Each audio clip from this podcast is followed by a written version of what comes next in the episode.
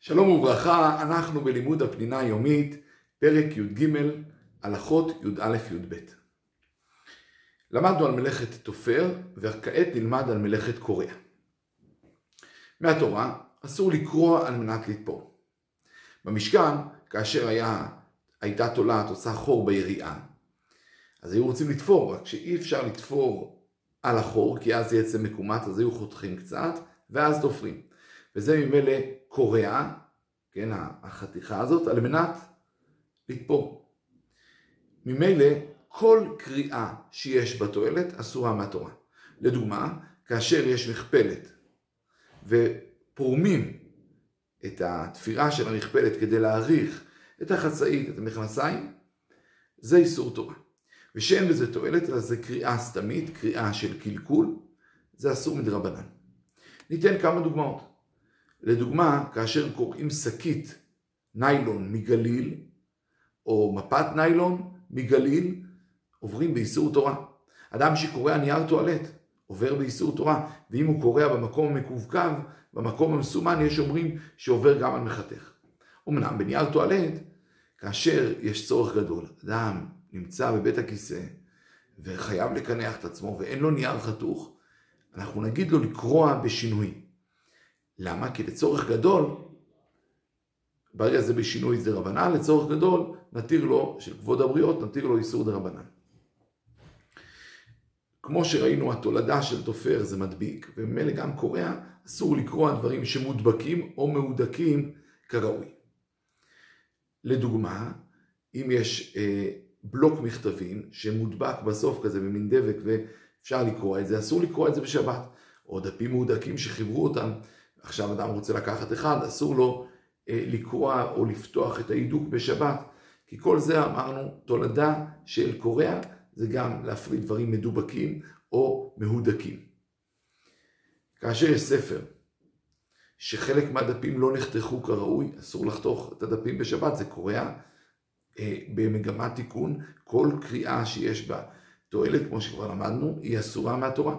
כאשר אדם מדפדף בספר לפעמים, תוך כדי התהליך של הכנת הספר, נפל שם טיפה דבק ונדבקו הדפים.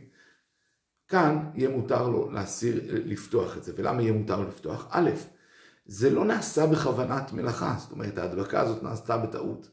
דבר שני, זה ודאי לא נעשה כדי להתקיים. וכיוון שזה נעשה בטעות ולא כדי להתקיים, ממילא מותר לי לפתוח את ההדבקה הזאת.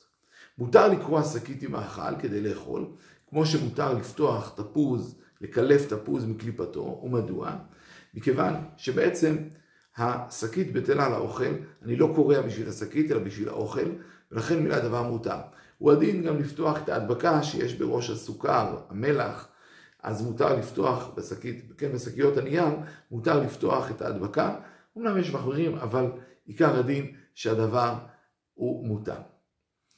במקרה שאדם ביום שישי שכח להסיר את התווית שמחוברת במין חוט של פלסטיק או חוט של בד אה, לבגד, מותר לקרוע בשבת. ומדוע?